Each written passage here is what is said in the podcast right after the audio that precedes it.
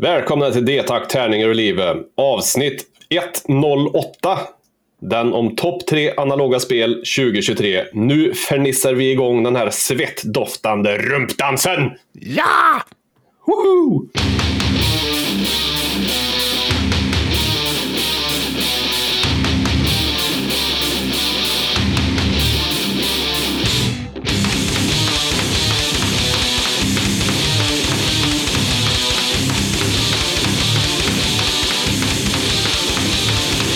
Den här podden är sponsrad av Spelgeek.com, den hyfsat lokala brädspelsbutiken, nu även med böcker. Som har fraktfritt på ordrar över 600 kronor. Och Ofog och Motvalls, ett skivbolag för korta, snabba, arga låtar. Vill ni vara med i den här podden, då kontaktar ni oss på detakt, tärningar och livet schnaubelaggmail.com eller via vår Facebook-sida.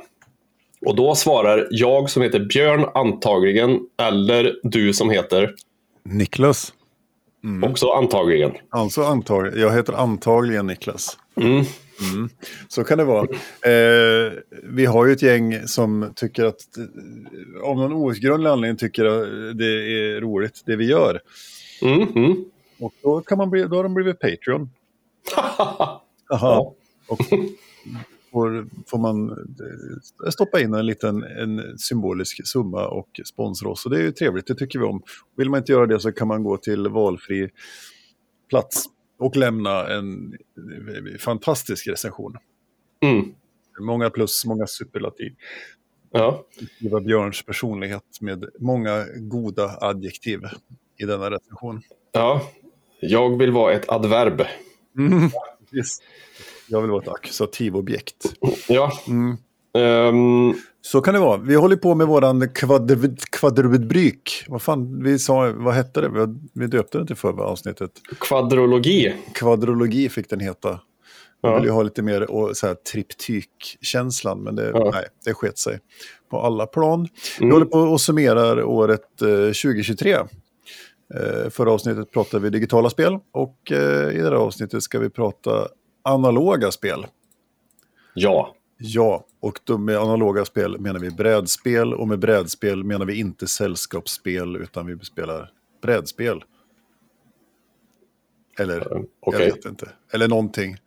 Det, det är Ja. en liten definitionsfråga där. Jag vet att eh, våra kollegor i Bitter och Tysk har ju vidit och vänt på den här frågan. Vad är ett spel? Vad är egentligen ett brädspel och så vidare.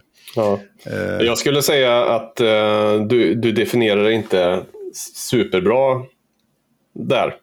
nej, Det är ett- Analoga spel är, det är inte digitalt skulle jag säga. precis. Så är det ju. Men vad är ett spel? Får man då ställa Ja. sig. Eh, Ja. är är Ja. att kasta en burrito i huvudet på någon ett spel? Det kan det vara. Eller är det en aktivitet?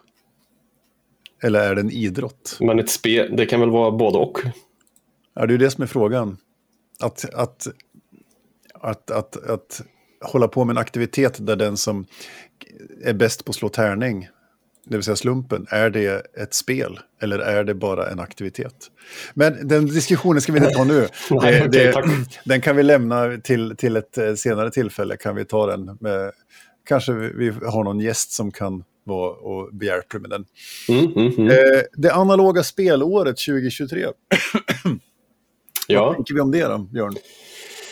Ja, jag tycker att det här är svårt som vanligt. Ehm, man, eh, en tycker att jag som uh, brädspelsmogul eh, borde, borde ha koll på det här.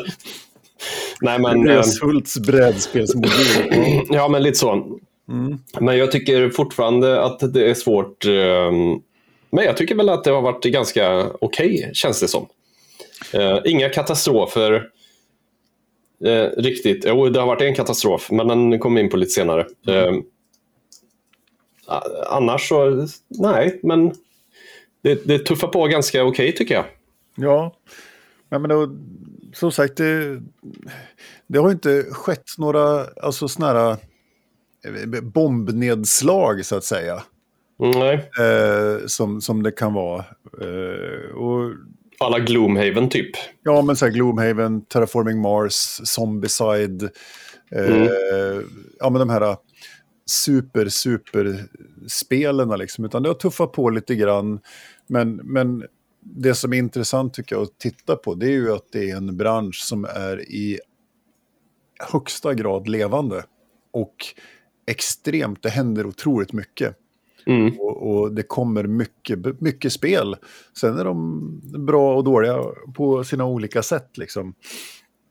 Eh, nackdelen med det är att jag upplever att eh, även om man försöker ha lite koll så blir det jättesvårt. Alltså jag stöter på dagligen man följer så här content creators på Instagram och sånt där som håller på med brädspel.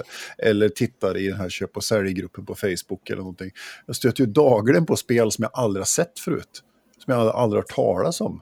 Som jag måste mm. upp liksom. Så jaha, och här, den har 7,6 i rating av 10 på Board Game Geek. Folk tycker att det är jättebra liksom. Och jag har bara mm. aldrig hört talas om det. Så, det, så det, är, det är ju det som är en baksida med det. är ju samma som vi kommer att prata om i nästa avsnitt kanske när vi pratar om musik. Mm. Det, det, det, är en information overload, en in, information abundance som är svår att sortera i. Så är det. Och, och, Kickstarter och Gamefound som är de två stora populära crowdfunding-plattformarna de bidrar ju till det här på något vis och driver på utvecklingen. På, på, ja, sen kan man ha sina åsikter om, om, om crowdfundings roll i brädspelsbranschen så att säga. Vad det fyller för funktion. Är det, en, bara, är det är bara en onlinebutik numera? Eller är det faktiskt så att man sponsrar Ja, men lite, lite som vi pratade om Early Access på, i, i digitala spelavsnittet tänker jag. Ja. Det, blir inte samma grej med Kickstarter. Det är, det är skillnad om Joma Al som gjorde Clans of Caledonia eh, som ensam utvecklare försöker släppa ett spel och vill ha en Kickstarter på det än när Simon går ut och kör sin femtonde version av Zombicide. Ja. Och, får in... Cool Mini or Not där du tänker på då, inte no, det är inte någon som heter Simon. Nej, utan C-M-O-N. Ja, jo, jag förstod. Ja, men det är bra att du förklarar för publik. Nej, men det, där, där, finns det ju samma som, där får väl Simon vara motsvarigheten till trippel A Mm. digitala, bräds, digitala spelbranschen. Liksom, där där de, de, de andas att de ska starta en Kickstarter och så har de redan 2,5 miljoner dollar in på kontot. Liksom. Mm. Sådär, så att det, det man ifrågasätta vad och hur man använder crowdfunding-plattformarna. Men som sagt, jag använder dem. Jag kollar Kickstarter med jämna mellanrum och, och ja, dyker på ett spel här och då. Som det kan bli. Ja. Jag brukar undvika att kolla på det av ren självbevarelsedrift. Eh, men ibland så är jag inne och kikar. Men eh, eh, jag får hålla i avtryckarfingret. Ja, jo, men det typ. får, jag är dålig på det. Legendariskt ja. dålig på det. Till och med. Fruktansvärt dålig på det. Ja, eh, nej men så är det. Branschen mår bra i övrigt, men sen så kan vi ju inte vi kan ju inte ha en sån här lista utan att prata om Hasbro Wizard of the Coast Dungeons and Dragons OGL-debacle som var i, vid årsskiftet någonstans. Uh, det här, för Hasbro köpte ju upp Wizards of the Coast som ju mm. ger ut Dungeons and Dragons. Uh, de uh, gjorde för 20 år sedan någonting, en Open Gaming License, att man fick tillstånd att använda man fick göra grejer till Dungeons and Dragons så länge du inte använder deras specifika typ Beholder eller alltså Forgotten Realms eller så här. Man fick inte mm. använda det. I övrigt så kunde man göra grejer och sälja eh, till Dungeons and Dragons eller med deras regelsystem. Precis. Och vid årsskiftet någonting nu minns jag inte om det var före eller efter, men det spelar inte så stor roll. Det, det gick in eh, på eh, januari i alla fall, så det får vara med på den här eh, listan. Så eh, annonserar de ju, eh, eller enligt dem så var det bara en att någon skulle kontrollera ett kontrakt eller något. Men då skickade de ut alltså att de skulle dra in den här OGL-licensen. Mm. Eh, så att det inte gick att göra så mer. Eh, utan man, då skulle man betala pengar till dem. Och inte bara att de skulle dra in det så att de som gjorde nytt skulle betala pengar till dem, utan även allt annat som var släppt innan skulle också vara betalningsskyldiga till Retroaktivt. Hasbro. Retroakt, ja men precis. Och då, då var det ju så här. Då var det ju ramaskri.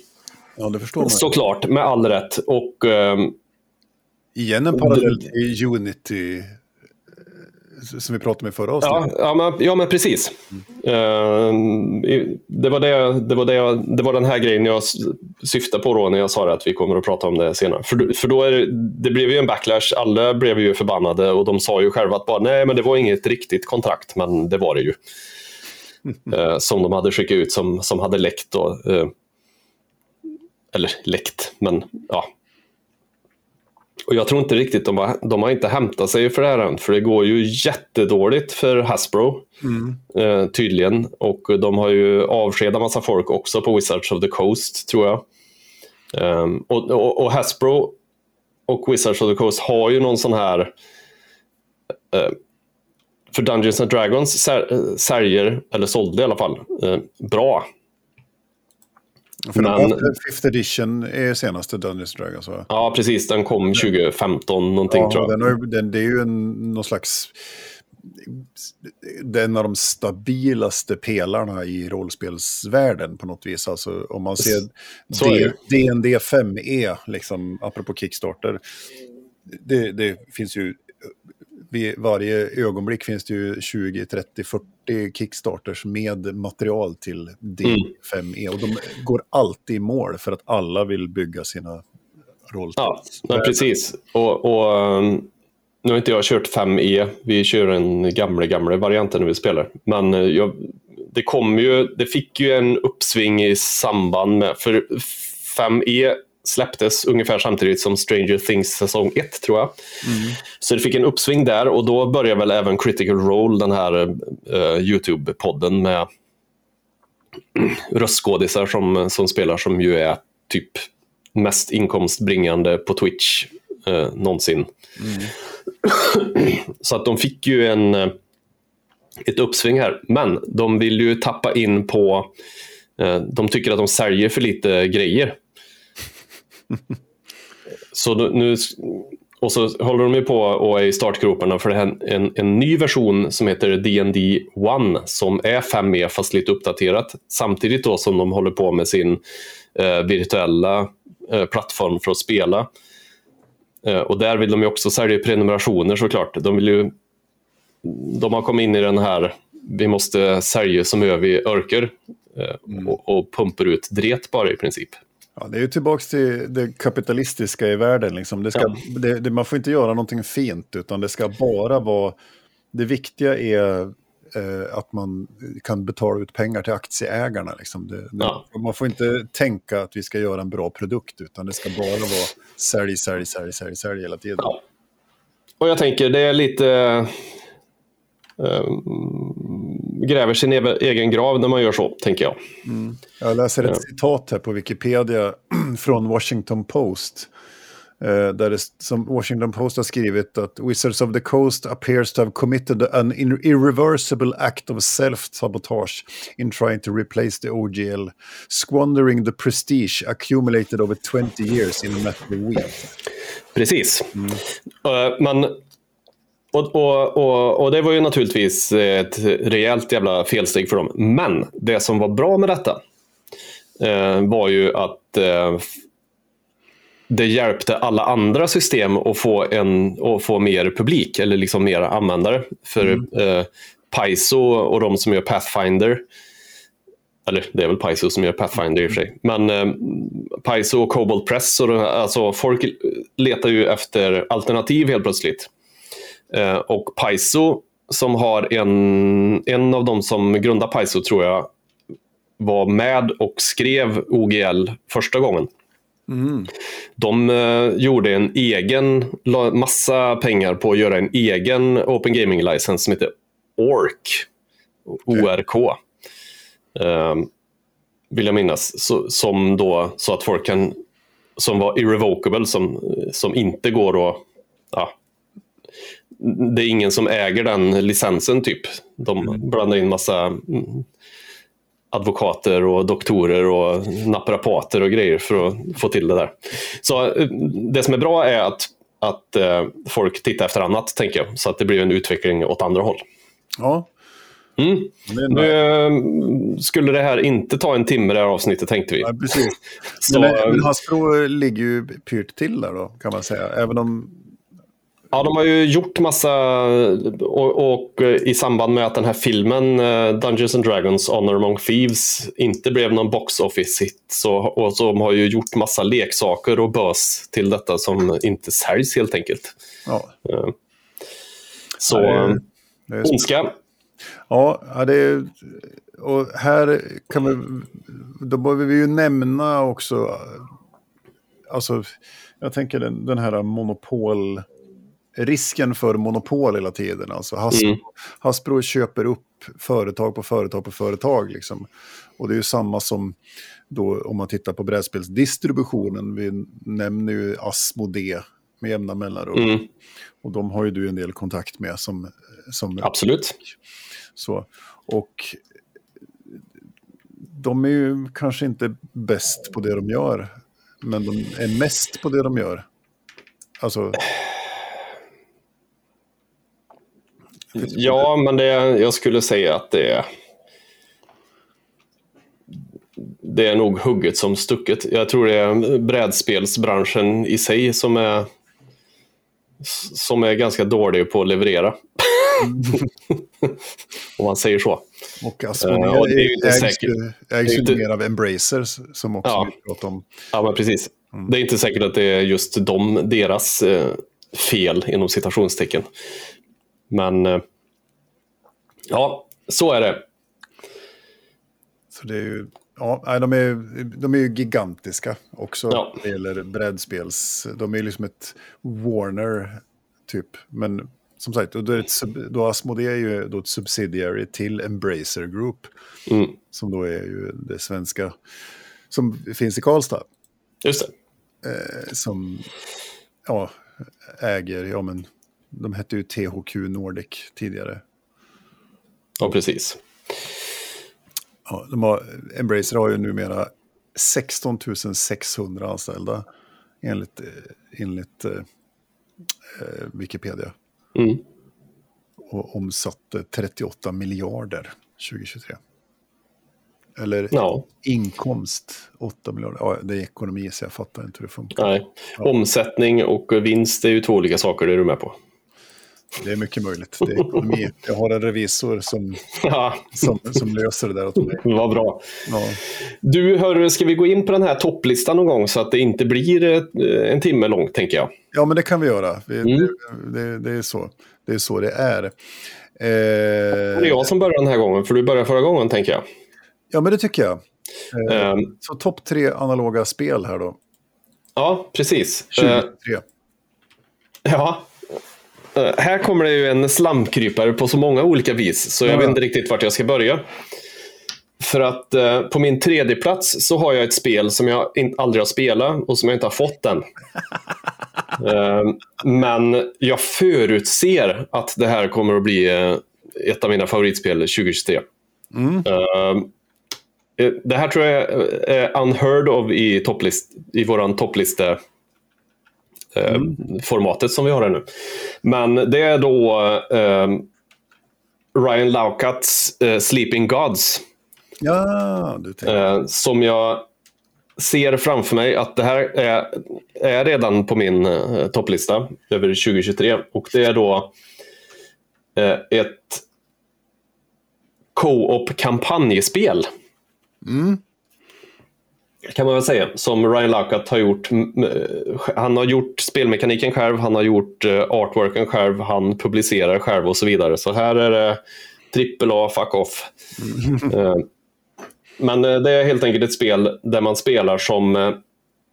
Man kan vara en, en till fyra spelare och man befinner sig på en båt som åker runt och som har hamnat i någon slags annan dimension typ. Mm.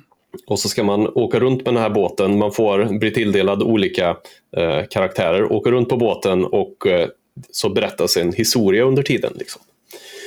Eh, och det här är då ett, eh, ett spel som när jag har visat människor det här spelet, bara det här vill jag spela. Så säger folk bara, men Björn, det här är ju ett spel för vuxna. Eh, och det har en vikt på eh, 3,24 av 5 på, på Board Game Geek. Ja, det är ju Eh, överkant för dig det. Och det är i överkant för mig, men jag ser fortfarande att det är det här spelet kanske som kommer att göra att jag blir vuxen. Ja, Samtidigt som omslaget, eh, själva kartongen, det är så jävla snygg artwork. Så jag ser framför mig att varför står inte det här spelet på Spelgeeks hyllor? För att det passar precis in i min färgkombo eh, som jag vill ha på spel. ja. Eh, har 8,3 på Board Game Geek. 11 000 ratings. Ja, är- På, på 11 000 ratings. Det är riktigt högt. Eh, har kommit lite uppföljare till det här också. Eh, Det har kommit en del expansioner och sen har det kommit en, en, en, en, ett nytt spel va? Som heter någonting annat. En uppföljare. Ja, han har lite andra spel eh, som heter Above and Below och Near and Far och så vidare. De sitter nog mer ihop i en klump. Men Distant Stars, vad fasen heter det? Distant Skies. Distant Skies, ja. Just det. Eh, hans publishing eh, vi ska säga, Red Raven Games. Eh, så det kan man gå in och kika på. Och där har han alltså då gjort alla spel och all, eh, all artwork till alla spel också. Och det är så det är så snyggt så jag håller på att gå av på mitten.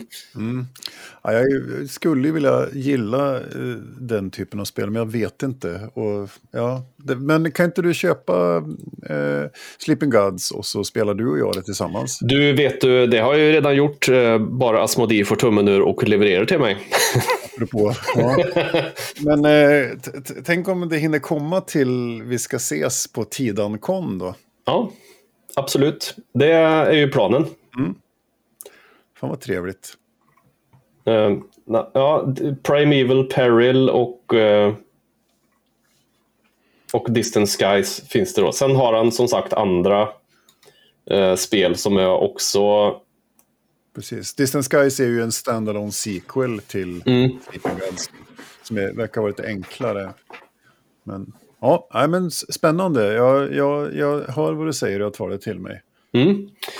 Eh, Så Sleeping Gods är på min eh, tredje plats. Ett spel som jag inte har spelat än, men som redan är ett topp, toppspel. Ja. Tipp-topp.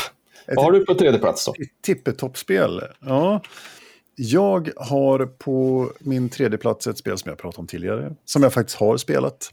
Är det Guild Wars? Nej, det är inte det. Men hade det funnits ett brädspel så kanske. Eh, Mm. man vet aldrig. Det har blivit gjort. Va? Det finns inget bräd. Nå- Nej, jag tror inte. Jag vill ju se en, eh, en live action tv-serie eller film.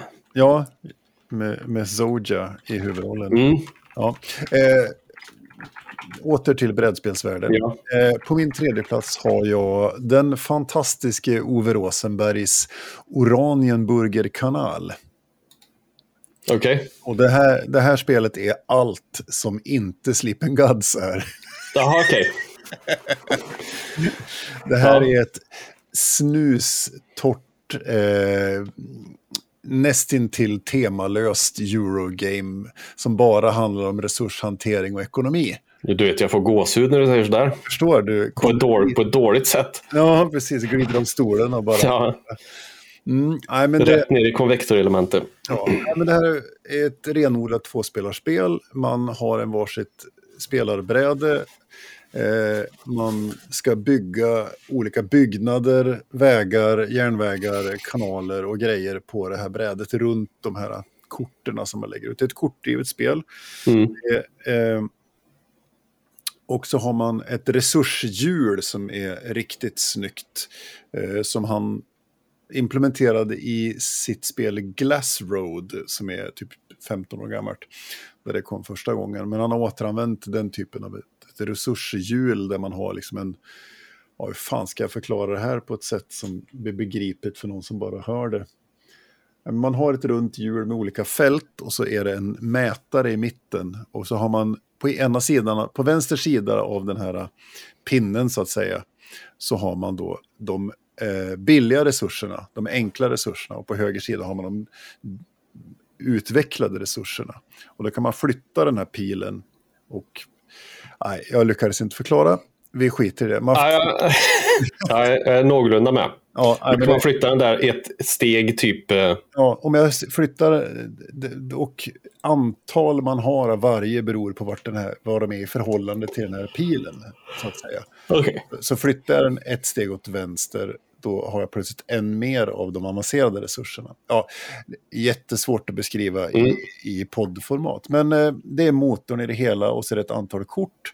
Och eh, det är någon slags evig replayability här då. För att eh, i originalspelet följde det med två stycken eh, Dex, så att säga. Det här är ju Ove Rosenbergs eh, förbannelse att han gör de här. Det är likadant i Agricola, det är likadant i Nussfjord, det är likadant i Fist for Odin de här lekarna. Så det finns en A och en B i originalspelet. Och vi har spelat båda de två, men varje gång det är 40 kort i varje lek och varje gång man spelar så är det slumpvis ungefär hälften av dem som man använder. Vilket ja. innebär att den, den första A-leken kan du ju spela tio matcher utan att få ens samma kort nästan. Sen köpte fick jag ju tag på expansionerna, så jag har ju lek C och D och E och F också. Mm.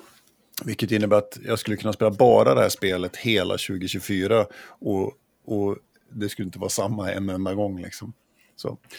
Men som sagt, fantastiskt spel. Eh, crunchigt järnbryt runt timman. Eh, och riktigt, riktigt bra. Riktigt trevligt. Eh, mm. Gillar tummen upp och så vidare. Har 8,0 på Geeken i rate på 800 ratings och en vikt på 3,18 av 5 säger den. Så att det, men som sagt, det kräver att man spelar den ett par gånger för att fatta. Det är mycket ikonografi, det är väl det som är, skulle kunna vara det som är någonting man inte vill, som är svårt att få tag i. Men så kan det vara. Mm. Eh, så på min tredje plats har vi Oranienburger kanal. Vad har du på din andra plats?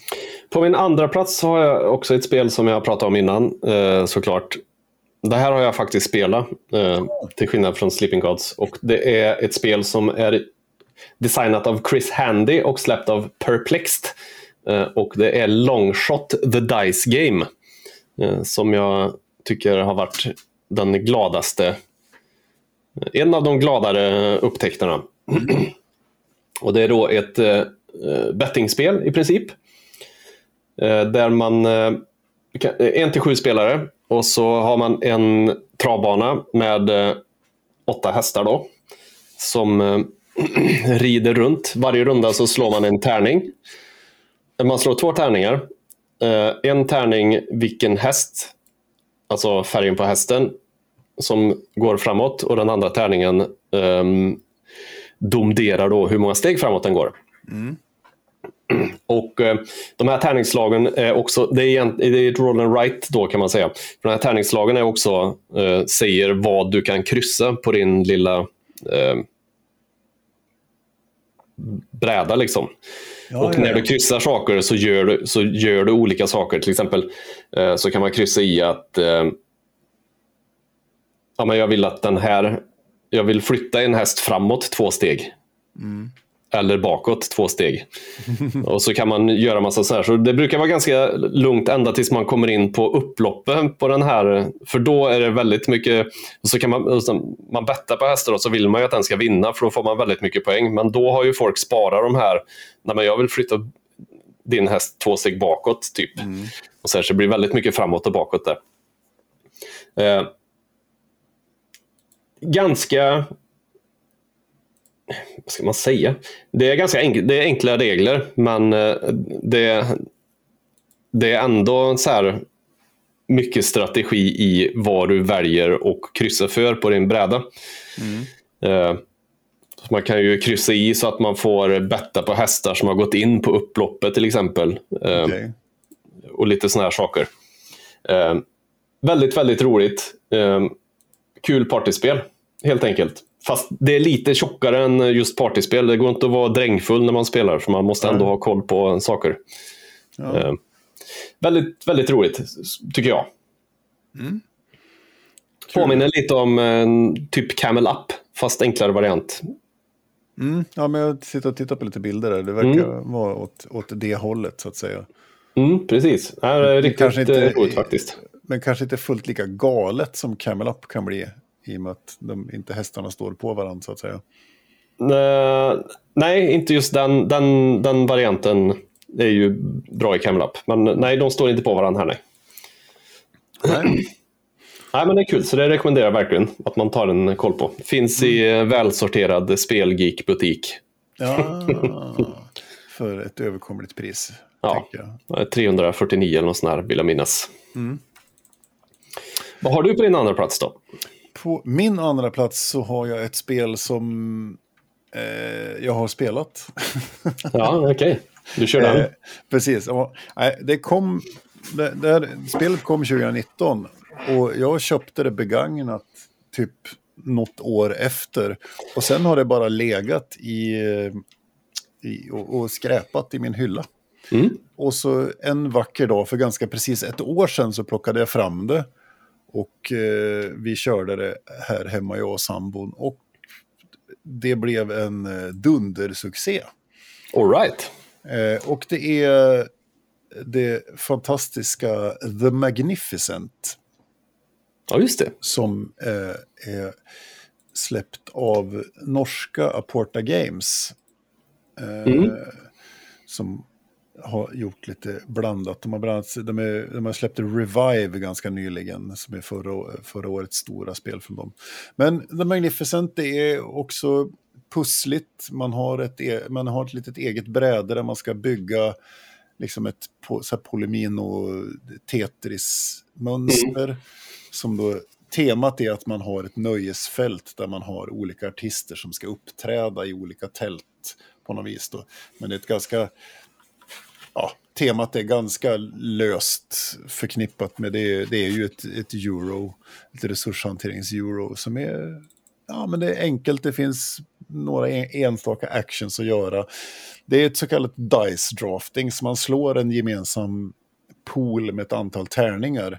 Så man har tärningar i fyra olika färger och beroende på värdet på tärningen som du väljer då från den gemensamma poolen så får du göra visst mycket av den actionen. Så om du tar en orange fyra så får du göra eh, en action orange fyra till fyra styrka. Liksom. Mm. Du kan bygga en viss byggnad eller du kan gå ett antal steg på en rondell eller sådär.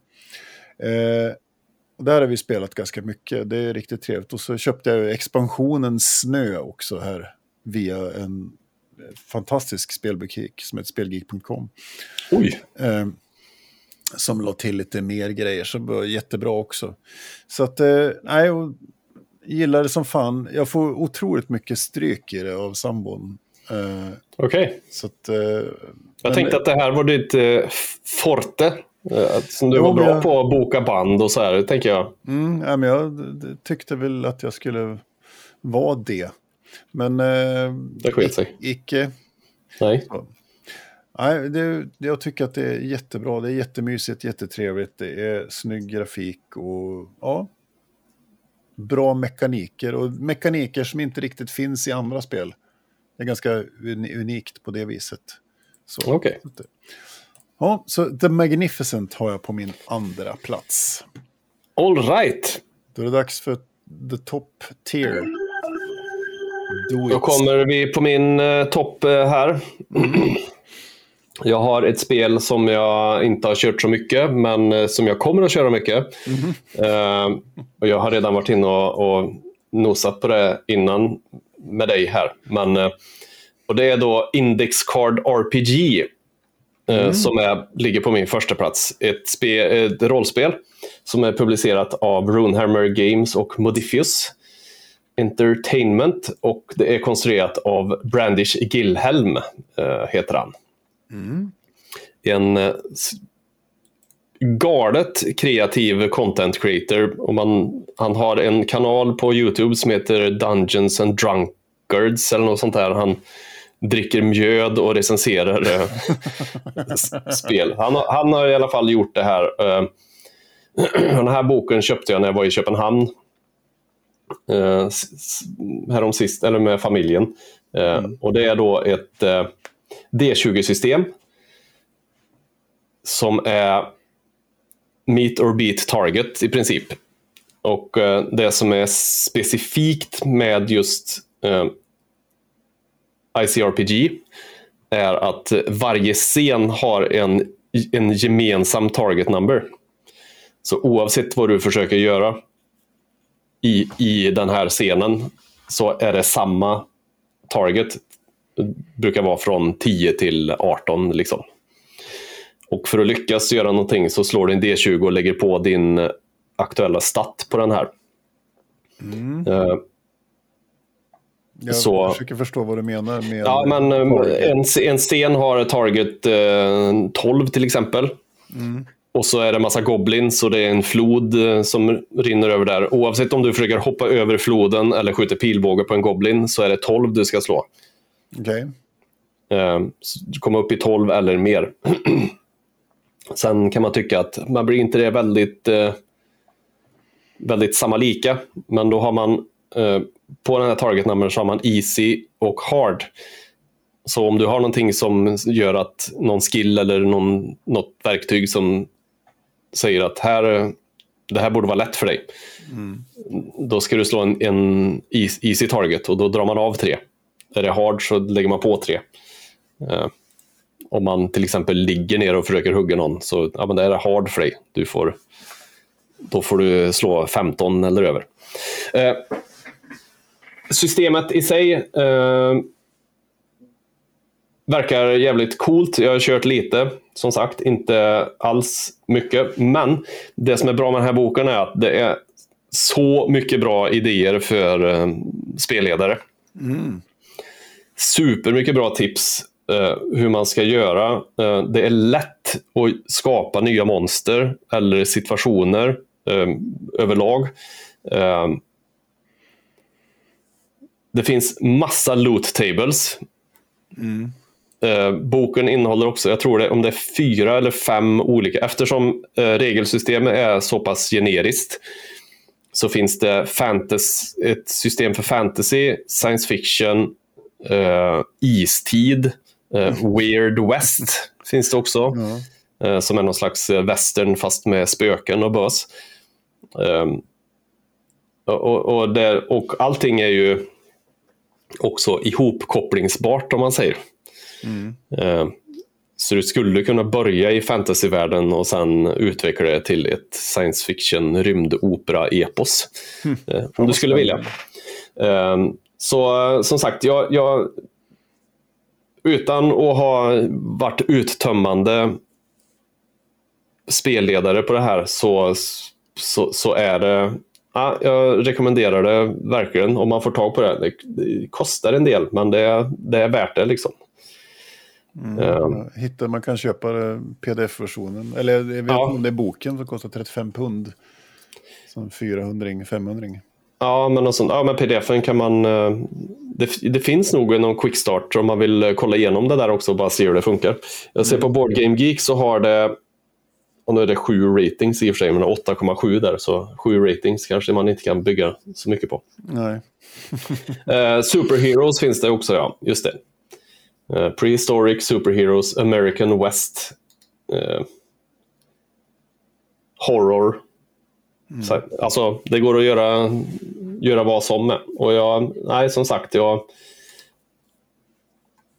jag är också Patreon på hans eh, Patreon för Runehammer, eller Brandish Gillerm, så man, man får väldigt mycket.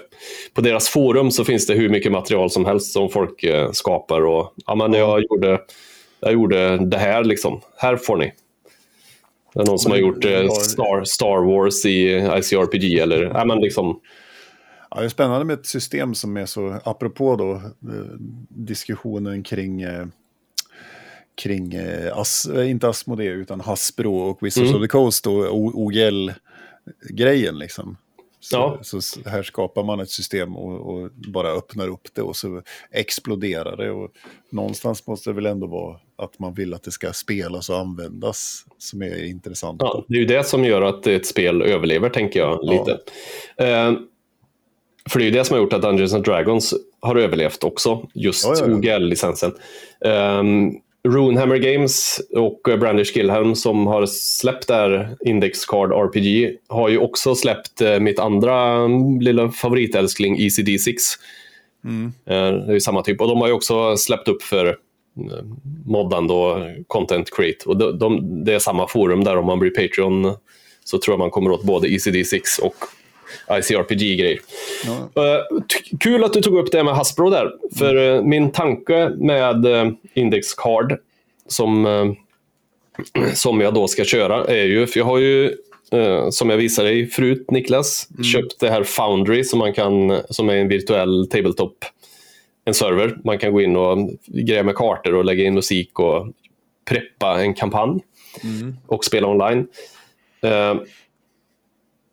Har ju tagit hem gratis-äventyret Lost Mine of Fandelver till Dungeons and Dragons och konverterar det till ICRPG. Så jag ska Ah. köra ett dd även en kampanj i ICRPG tänkte jag. Eh, och det ska bli spännande. Ja, men det får återrapporteras, Mm, tycker jag. det ska jag göra. Så ICRPG är på min eh, första plats. Yes. Vad har du på din... eh, vänta, vänta. Första plats. Tack du. Eh, ja, även här räddas jag av en expansion. Okej. Eh, som också, den inhandlades från spelgeek.com under hösten här. Eh, tack för den. Spelgeek.com. Varsågod. Varsågod. Eh, eh, och det är ju det spelet som, som, det är det som har spelats mest helt enkelt under året. Och det är Ark Nova. Eh, Ah, okej. Och eh, då kom det en expansion som heter Marine Worlds. Den gör inte jättemycket, men den stoppar in lite balans och det händer lite mer saker. Eh, Ark Nova är ett gigantiskt spel där man bygger ett zoo. Det, det, man kan, det är som ett, om man har spelat Terraforming Mars, de påminner om varandra. De är absolut inte lika på något vis, men det är eh, liksom kortdrivet. Man ska bygga en, man har ett spelarbräde där man ska bygga ett zoo med olika eh, storlekar på inhägnader och så ska det flytta in djur där och så får man poäng. Och så är det ett, ja det är, det är ett intressant actionsystem för du har fem positioner och fem olika sorters. Det finns fem actions att göra så att säga. Och de ligger i, i kortformat framför dig i fem olika positioner från 1 till 5 från vänster till höger. Och beroende på vilken siffra de ligger på så har actionen olika styrka så att säga. Som du spelar djurkortet från, från position 2, då får du spela ut ett, då gör du actionen spela djur och då får du spela ut ett, ett djur. Spelar du position, ligger djurkortet i position 5, ja, då får du spela ut två djur. Och Lite så. så det blir lite olika styrka och vissa, kort, vissa actions kräver att du har kort, actionkortet på en viss nivå. Då, så att säga. Mm. Och så finns det, ja men du kan ha plussa på och bla bla bla och så vidare. Eh, det här är ju det som har gått mest hem hos oss helt enkelt under det här året. Och eh, som sagt, Mattias Vigge, eller heter Ja. han inte så? Mm. Precis, Orgi- or- själva spelet kom ju 2021 och blev ju en jättehit. Den har 8,5 på Geeken på 39 000 ratings. Liksom, så det, Mm. så. Och sen kom den här efterlängtade expansionen då nu under 2023. Och den lyfter spelet en litet nivå till, tycker jag. Det, alltså expansionerna 9,0 på art- 1,8 1800 ratings. Så att det, och det är bra. Det är, som sagt, det dyker upp lite mer balanseringsgrejer och sånt där. Sen är ju folk dum i huvudet när det kommer sådana här spel. Så, alltså, jag och sambon spelar det här. Ja, vad vi, vad vi spelat det. Vi, jag tror vi har spelat det 18 gånger i år. Men det finns ju de som spelar det liksom 150 gånger. Och som, in, och som blir så här... De blir så, det blir så jäkla diskussionen handlar liksom så här, ah, men det här kortet är obalanserat för i, får jag fram det då vinner jag i sju av tio matcher. Så här. Man bara, vad fan, skärp dig Ja. nu. Det är så här, folk är helt knäpp. Men som sagt, Ark Nova och expansionen då, eh, Marine Worlds, hamnar på en ganska ohotad egentligen första plats. För den, det är ett fantastiskt spel. Det, det, det bara är så. Det är mm. ett, ett, ett guldlir. Jag tror att jag har Arkanova och uh, Map Pack 1 inne, men det är väl något annat.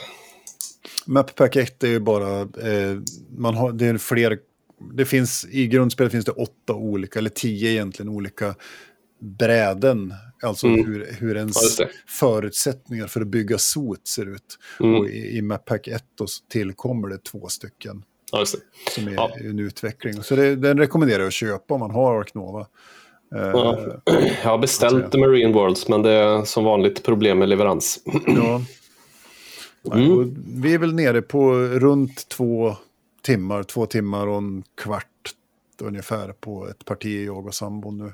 Mm. Så det tar sin lilla tid, men det är riktigt, riktigt trevligt. Coolt. Mm. På min eh, topp tre-lista så hade jag på tredje plats Sleeping Gods.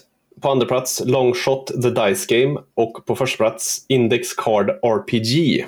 The Role Playing Game of the Year. Oh yeah, och Niklas hade på tredje plats Oranienburger kanal, på andra plats The Magnificent och expansionen Snö och på första plats Ark Nova och expansionen Marine Worlds. Mm. Hade du några bubblor då? Ja. Uh, Great Western Trail, second edition med expansionen Rails to the North. Uh, fantastiskt spel. Great Western Trail har ju kommit med alltså, jag är sen på bollen där. Det är många som mm. har pratat mycket om det här spelet länge. Och det har ju redan kommit ett, ett två spin-offs. Va? Det är Argentina och det är Nya Zeeland. Okej. Okay. Eh, så att, eh, och jag har väl spelat, eh, jag har provat Argentina men inte spelat Nya Zeeland. Det är mer av samma. Fantastiskt bra spel. Okay. Eh, Cascadia, en, en sån här filler-favorit. Eh, kom också med en ny expansion som heter Landmarks. Fantastiskt bra. Eh, bra introspel, vill man börja spela brädspel. Cascadia var med i, våran, i min topp tre över eh, Euroclubs-tips. Ja, just det. Eh, ska jag ta hem några faktiskt, för det är jag nog intresserad av själv också. Mm, ja, men det är ett riktigt trevligt spel. Jaipur, denna lilla goding, har mm. fått en, den är ju, är gammal i gården, gammalt spel från 2009. Men det fick ett uppsving här i familjen Nord Sundström under året. Med, mm. Har spelats på både hårdrocksfestivaler och eh, Tallinnfärjor och mm. annat. Det är ett bra spel. Det är ett bra spel. Jag fick hem Darwins Journey, Kickstarter. Bra spel. Eh, ska försöka få det till bordet.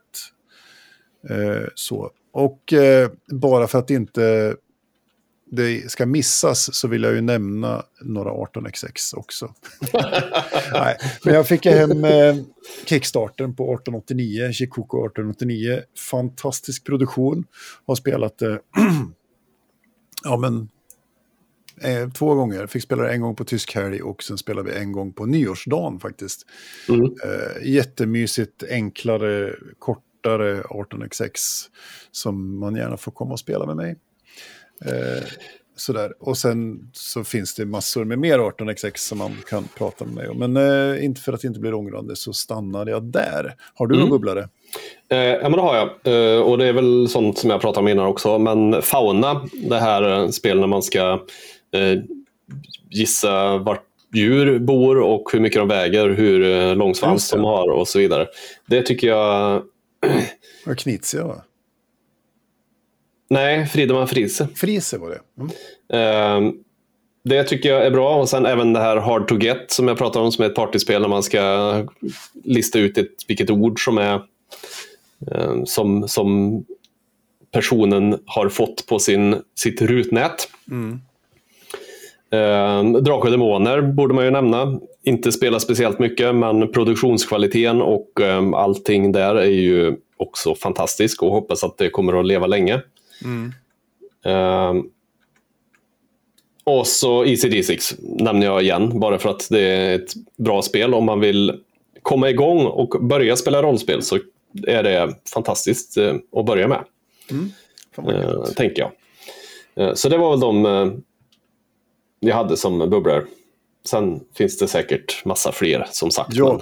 och framförallt så ni som lyssnar har väl något. Mm. spel som ni brann till i byxan för under 2023 som ni tycker att vi borde prova. Kanske- Vi kanske inte ens vet om att det finns. Så kan det vara. Så kan det vara. Så att, eh, please let us know. Eh, ja, och med Ja. det så får vi tacka för idag och eh, siktar mot nästa vecka då vi ska prata om topp tre musik. Det ska vi. Bra, det ska vi. Ja, Det blir eh, fint. tills dess. Puss och kram och hej. Hej hej.